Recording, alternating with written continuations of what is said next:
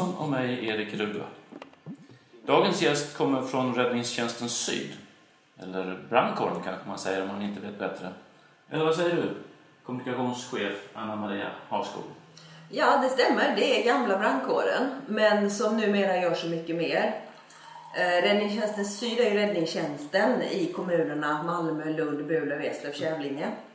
Och förutom då att vi rycker ut på bränder och andra olyckor så gör vi en väldans massa andra saker numera. Varför det? Därför att vi vet att det går att göra någonting åt för att förhindra alla olyckor. Och då är vårt uppdrag mycket bredare nu. Det måste vara mycket bredare.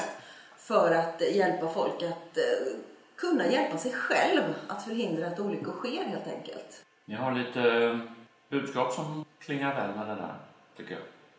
Vi, vi jobbar ju, vi har en väldigt eh, stark och ytterst levande vision som, vi, som kallas för ett olycksfritt samhälle. Och det är det vi verkligen drivs av. Och det handlar mycket om att eh, den bästa olyckan är den som inte händer. Och eh, för att det är absolut bäst för samhället och för individen att det inte sker några olyckor. Eller nollvision. Det är nollvision, helt klart. Och den har vi jobbat efter nu. Nu är det åtta år snart. Det näst bästa, det är ju att någon, om det ändå händer en olycka, det är att någon på plats ändå kan göra någonting. Alltså någon annan. Någon annan än vi. För att vi är ju oftast inte först på plats. Det kan ju vara du som är först på plats. Någon av er. Vem som helst är ju den som antingen ringer in och larmar eller faktiskt är först på plats. Och då gäller det att någon kan göra någonting innan vi kommer. Vad gör ni då för att jag ska kunna göra bra räddningsjobb innan ni kommer?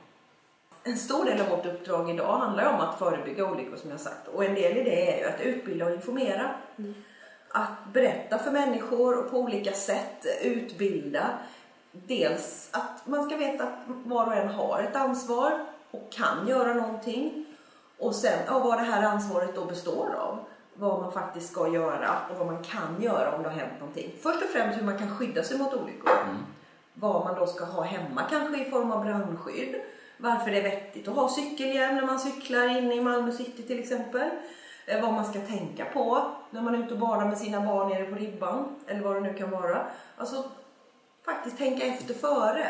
Men det, det, det är mycket vad ni gör, men hur? Hur kommer ni åt oss? Mm. Då är det mycket möten. Vi tror på det vi kallar för det goda mötet. Vi kan ju skicka ut informationsbroschyrer och vi kan göra webbsidor och jobba i sociala medier till oändlighet. Det gör vi också på olika sätt. Men det är trots allt i det här goda mötet när vi träffas öga mot öga, träffar många människor och har dialog.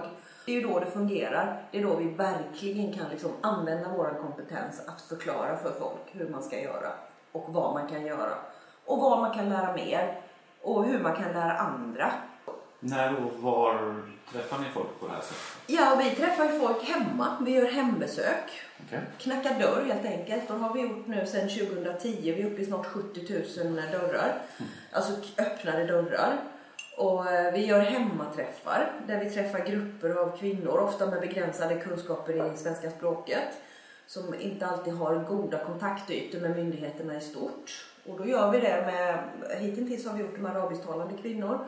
Och det har varit grupper då som har träffats och vi tillsammans med polisen och stadsdelen har kunnat prata trygghet och säkerhet i ett ganska brett perspektiv. Men vi gör det ju också genom utbildningar på skolor, utbildningar till föreningar, utbildningar till företag och organisationer. När vi har evenemang ute på gator och torg, Malmöfestivalen. Så det, det är en blandning av olika möten faktiskt. Men Mm. hembesöken är en stor del av detta. Så vem möter mig när jag öppnar min dörr eller knackar på? Vem är det som står där på andra sidan från räddningstjänstens sida? Då kan det stå två brandmän till exempel. Det kan också stå två instruktörer. Vi går alltid två och två. Och brandmännen gör detta, om vi bara pratar om dem först, de gör det på sin operativa tid enligt schema, alla våra fem kommuner. Och här passar det bra då att fråga hur, hur har ni det med stenkastning? Vi har ju mycket i, i nyheterna om att på andra håll. Och här har vi hört det tidigare. Hur går det för det? Just nu och de senaste åren så har ju vi ingen stenkastning. Vi har ju inga incidenter att tala om egentligen. Utan det är ju också någonting som vi har tack vare dialogarbetet ute i stadsområdena där vi möter väldigt mycket. Vi har skolbrandmän på skolorna i många områden. En hel del olika sorts relationsskapande verksamheter som gör att vi tror att det har varit en bidragande orsak till att vi har fått ner det här. För man kastar inte sten på dem man känner och de man har en relation till.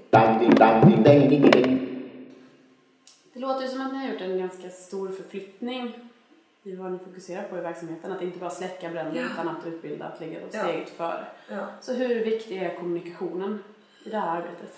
Alltså kommunikationen är ju någonstans, det är ju en av våra stora utmaningar fortfarande.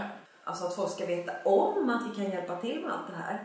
Att vi utbildar, att vi informerar, att det aldrig ska vara någon konstighet att det står en brandman och knackar på dörren och vi pratar brandskydd. Där har ju kommunikationen en otroligt viktig roll. Det är ju en sak att informera och utbilda och sen är ju nästa steg att få folk att verkligen göra någonting också. Och där har vi fortfarande, tycker jag, en av de stora utmaningarna. Finns det några särskilda trick eller metoder då för att lösa det, för att höras mer? Alltså vi tror ju fortfarande kommunikationen, är- det goda mötet är ju också kommunikation. Mm. Så det handlar ju om också att, jag, att skapa inställningen i organisationen och stöden och metoderna för att det ska funka. Förståelsen för att det är så här vi ska jobba. Så att vi försöker ju att när vi ska hitta rätt tilltal i till exempel kampanjer att det inte ska vara sådär pekpinneaktigt. Gärna med någon slags glimt i ögat. Och vi brukar säga att vi marknadsför och vi säljer inte varor. Alltså det är inte Räddningstjänsten Syd som är det relevanta utan det är verksamheten och det vi kan hjälpa till med som är det. Det är det som är viktigt i kommunikationen. Det gör varumärkesarbetet lite komplicerat, antar jag. Ja, fast vi säger att varumärket är vår verksamhet och verksamheten är vårt varumärke. Att alla medarbetare måste kunna bära detta då i mötet. Då är det mötet mellan två personer. Det är där, det är där varumärket sätts liksom. Men hur hur fixar medarbetarna det här? De är ju inte anställda för att de är duktiga på att prata med folk i första hand. Det, är ju, det blir ju en förändring. Och det är klart att det, har, det är ju en resa som fortfarande pågår. Nu Det lika jag, mycket utbildning hos er. ja, det blir det ju. Absolut. Det är ju intern, och där kommer vi till den interna kommunikationen och den interna utbildningen och den interna, det inter, förhållningssättet egentligen. Vad det innebär att vara brandman idag eller operativ eller egentligen medarbetare på Räddningstjänsten Syd. När ni rekryterar nya medarbetare så är det inte nödvändigtvis två meters män som gör 100 meter på 10 sekunder.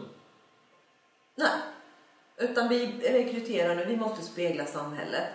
Vi jobbar efter någonting som vi kallar för en räddningstjänst för alla. Och det är ju en förutsättning egentligen för det här goda mötet som vi pratar om. Och det är ju också någonstans idag självklarhet i samhället att mångfald och jämställdhetsfrågorna bör vara viktiga i alla organisationer. För att bara så kan vi leverera en bättre service. Men betyder det att det kan stå en tjej på en och en halv meter högst upp på stegen som ska rädda mig en dag? Ja. De- Ja, absolut. Fixar de det? Ja. Det, kanske, det kan stå en ensam man, det kan stå en ensam tjej. Det spelar liksom ingen roll. De har ju ändå en hel styrka omkring sig. Och det har ju mannen också. Så det är, så, det är självklart. Om man pratar om mod och att det är ett yrke som kräver mycket mod såklart. Eh, Men i kommunikationen, hur modiga vågar ni vara i den här balansen att eh, informera, utbilda men också kanske skrämmas lite? Det, det är en fråga som är högst levande internt. Alltid när vi ska dra igång nya kampanjer och ja, när vi överhuvudtaget tänker till varje år för år här ja, kring olika saker. Alltså vi har nog valt lite mer touch av då skånsk humor snarare än skrämselpropaganda. Och så, sen har vi lite tankeväckande budskap. Liksom, vad gör du om du ser en olycka? Vad gör du om du är först på plats? Så att man ska få, man ska få lite en aha-upplevelse. Men ändå inte det här riktiga skrämselpropagandan. För vi hade kunnat dra på där. Det är snarare att det här med berättelser har vi pratat om. Att jobba mer med berättelser. Eh, vad man då, personer som har råkat ut för olika saker. Hur de antingen, vad det har betytt för dem. Och det kan ju vara att det har varit verkliga eländesberättelser. Men det kan ju också faktiskt vara berättelser om att så här lyckades jag förhindra någonting. Ni har väl den här hopplösa eh, kommunikationsuppgiften att målgruppen är alla. Mm. Hur hanterar man det? Tar man väljer ut några eller försöker man faktiskt smeta ut det över alla? Alltså vi jobbar ju med alla i stort kan man säga kring vår kommunikation. Men vi riktar ju ganska mycket. Så vi har ju vissa prioriterade målgrupper och det är ju ofta kopplat till riskerna och olycksstatistik där vi vet att det är de som är mest, alltså det är de stora riskgrupperna. Vilka är de?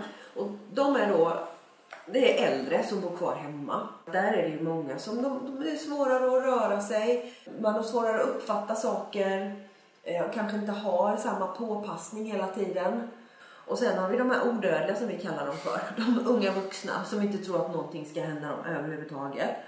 Och där har vi studenterna som en specifik målgrupp där vi jobbar ganska mycket riktat mot studenter. Framförallt i Lund men även till viss del här i Malmö. Vi ska skala upp här i Malmö nu också med det från hösten.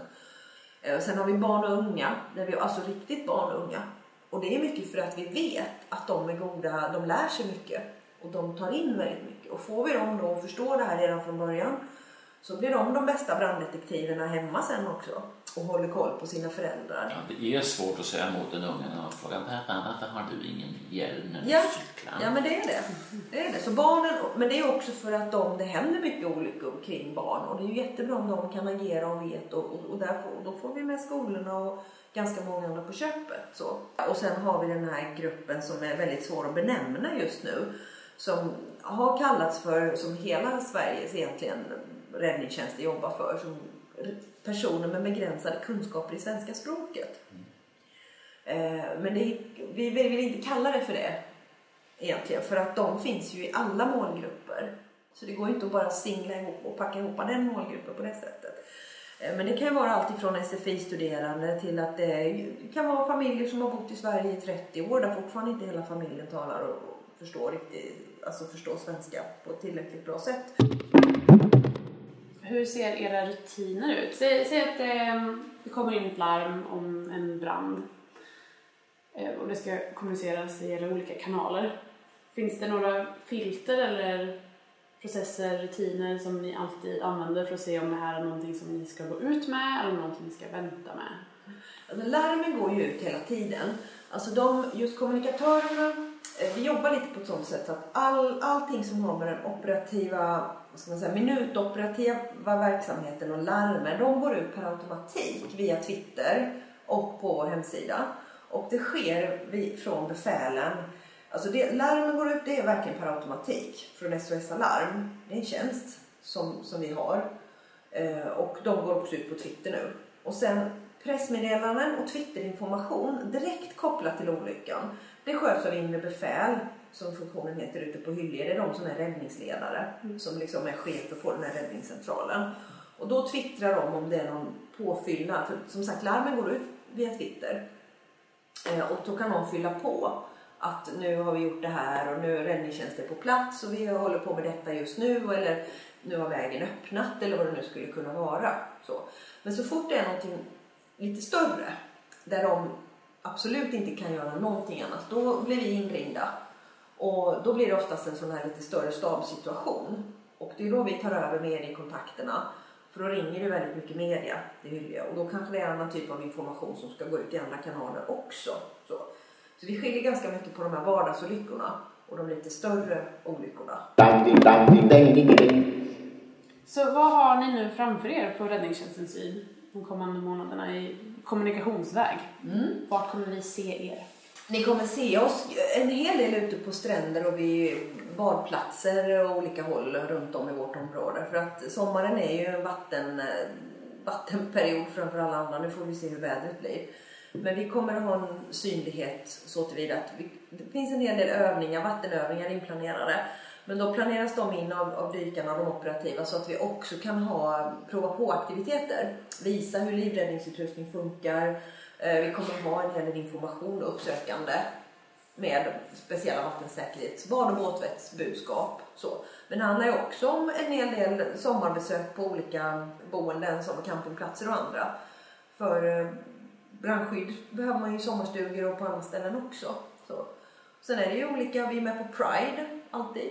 Vi är med på Malmöfestivalen och olika sådana här nedslag i alla kommuner egentligen. Överallt där det händer när folk samlas. Ja, vi rör oss mycket ute på sommaren och det är ju den här uppsökande verksamheten som är så otroligt viktig. Så att eh, sommaren är en intensiv period Helt klart. Ja, men nu ser vi fram emot att se er där ute där vi rör oss. Men vad, vad kan jag tänka på? Vad kan jag och eh, mina nära och kära och alla vi där ute göra och Vad kan vi göra för Ja. att överleva? ja, hur ska vi, hur ska vi överleva sommaren? Nej, men det första kan man ju tänka på det är det här. Vad skulle du fundera över? Vad skulle du själv göra om du var först på plats på en olycka? Vad skulle du kunna göra? Och det är ju egentligen året runt. Det är ju inte bara, det är inte bara under sommaren. Men fundera lite på det. En slags mental... En slags mental och faktiskt prata om det. Och vad som händer hemma. Ta, ta tillfälle i akt och kolla igenom, passa på om ni är lediga. Kolla igenom hur det ser ut hemma hos er. Vet alla vad de ska göra hemma i era familjer om det skulle börja brinna hemma hos er? Har ni funderat över var ni ska samlas upp någonstans? Har ni brandvarnare? Men sen är det ju det här då ute i samhället. Eh, framförallt vattensäkerheten, bad och båtvett. Eh, där vi tycker att i, i år vill vi verkligen puffa för att badvakta varandra. Ha koll på varandra på stränderna. Lägg ifrån er plattor och mobiler. För att det är ju det som visar sig att folk är ouppmärksamma. Många föräldrar men även andra är uppmärksamma på det som händer omkring dem för att de kollar hellre på mobiler och plattor än håller koll på sina barn. Och det är så lätt, det går så fort att någon försvinner. Och så tar du försiktigt i vattnet. Simma längs med, Simma lugnt. simma, simma lugnt, simma längs med stränderna. Eh, bada aldrig ensam, ska man inte göra heller. Så. Och ta det lugnt i trafiken. Det är också klockrent. Sommartid är det ju rätt mycket trafik. Man behöver inte ha så bråttom helt enkelt. Ja, det är nog det viktigaste. Ta hand om varandra. Njut det av lugnt. vädret, njut av tiden Ja. och varandra. Och varandra. Det var väldigt fina avslutande ord. Vad säger du Erik? Ja, jag tycker det är härligt. Och med det så tackar vi Anna Maria Arsfogel från Räddningstjänsten Syd. Du kom hit. Och Stefan Karlsson, Erik Rödblom, säger tack och hej då. Hej då!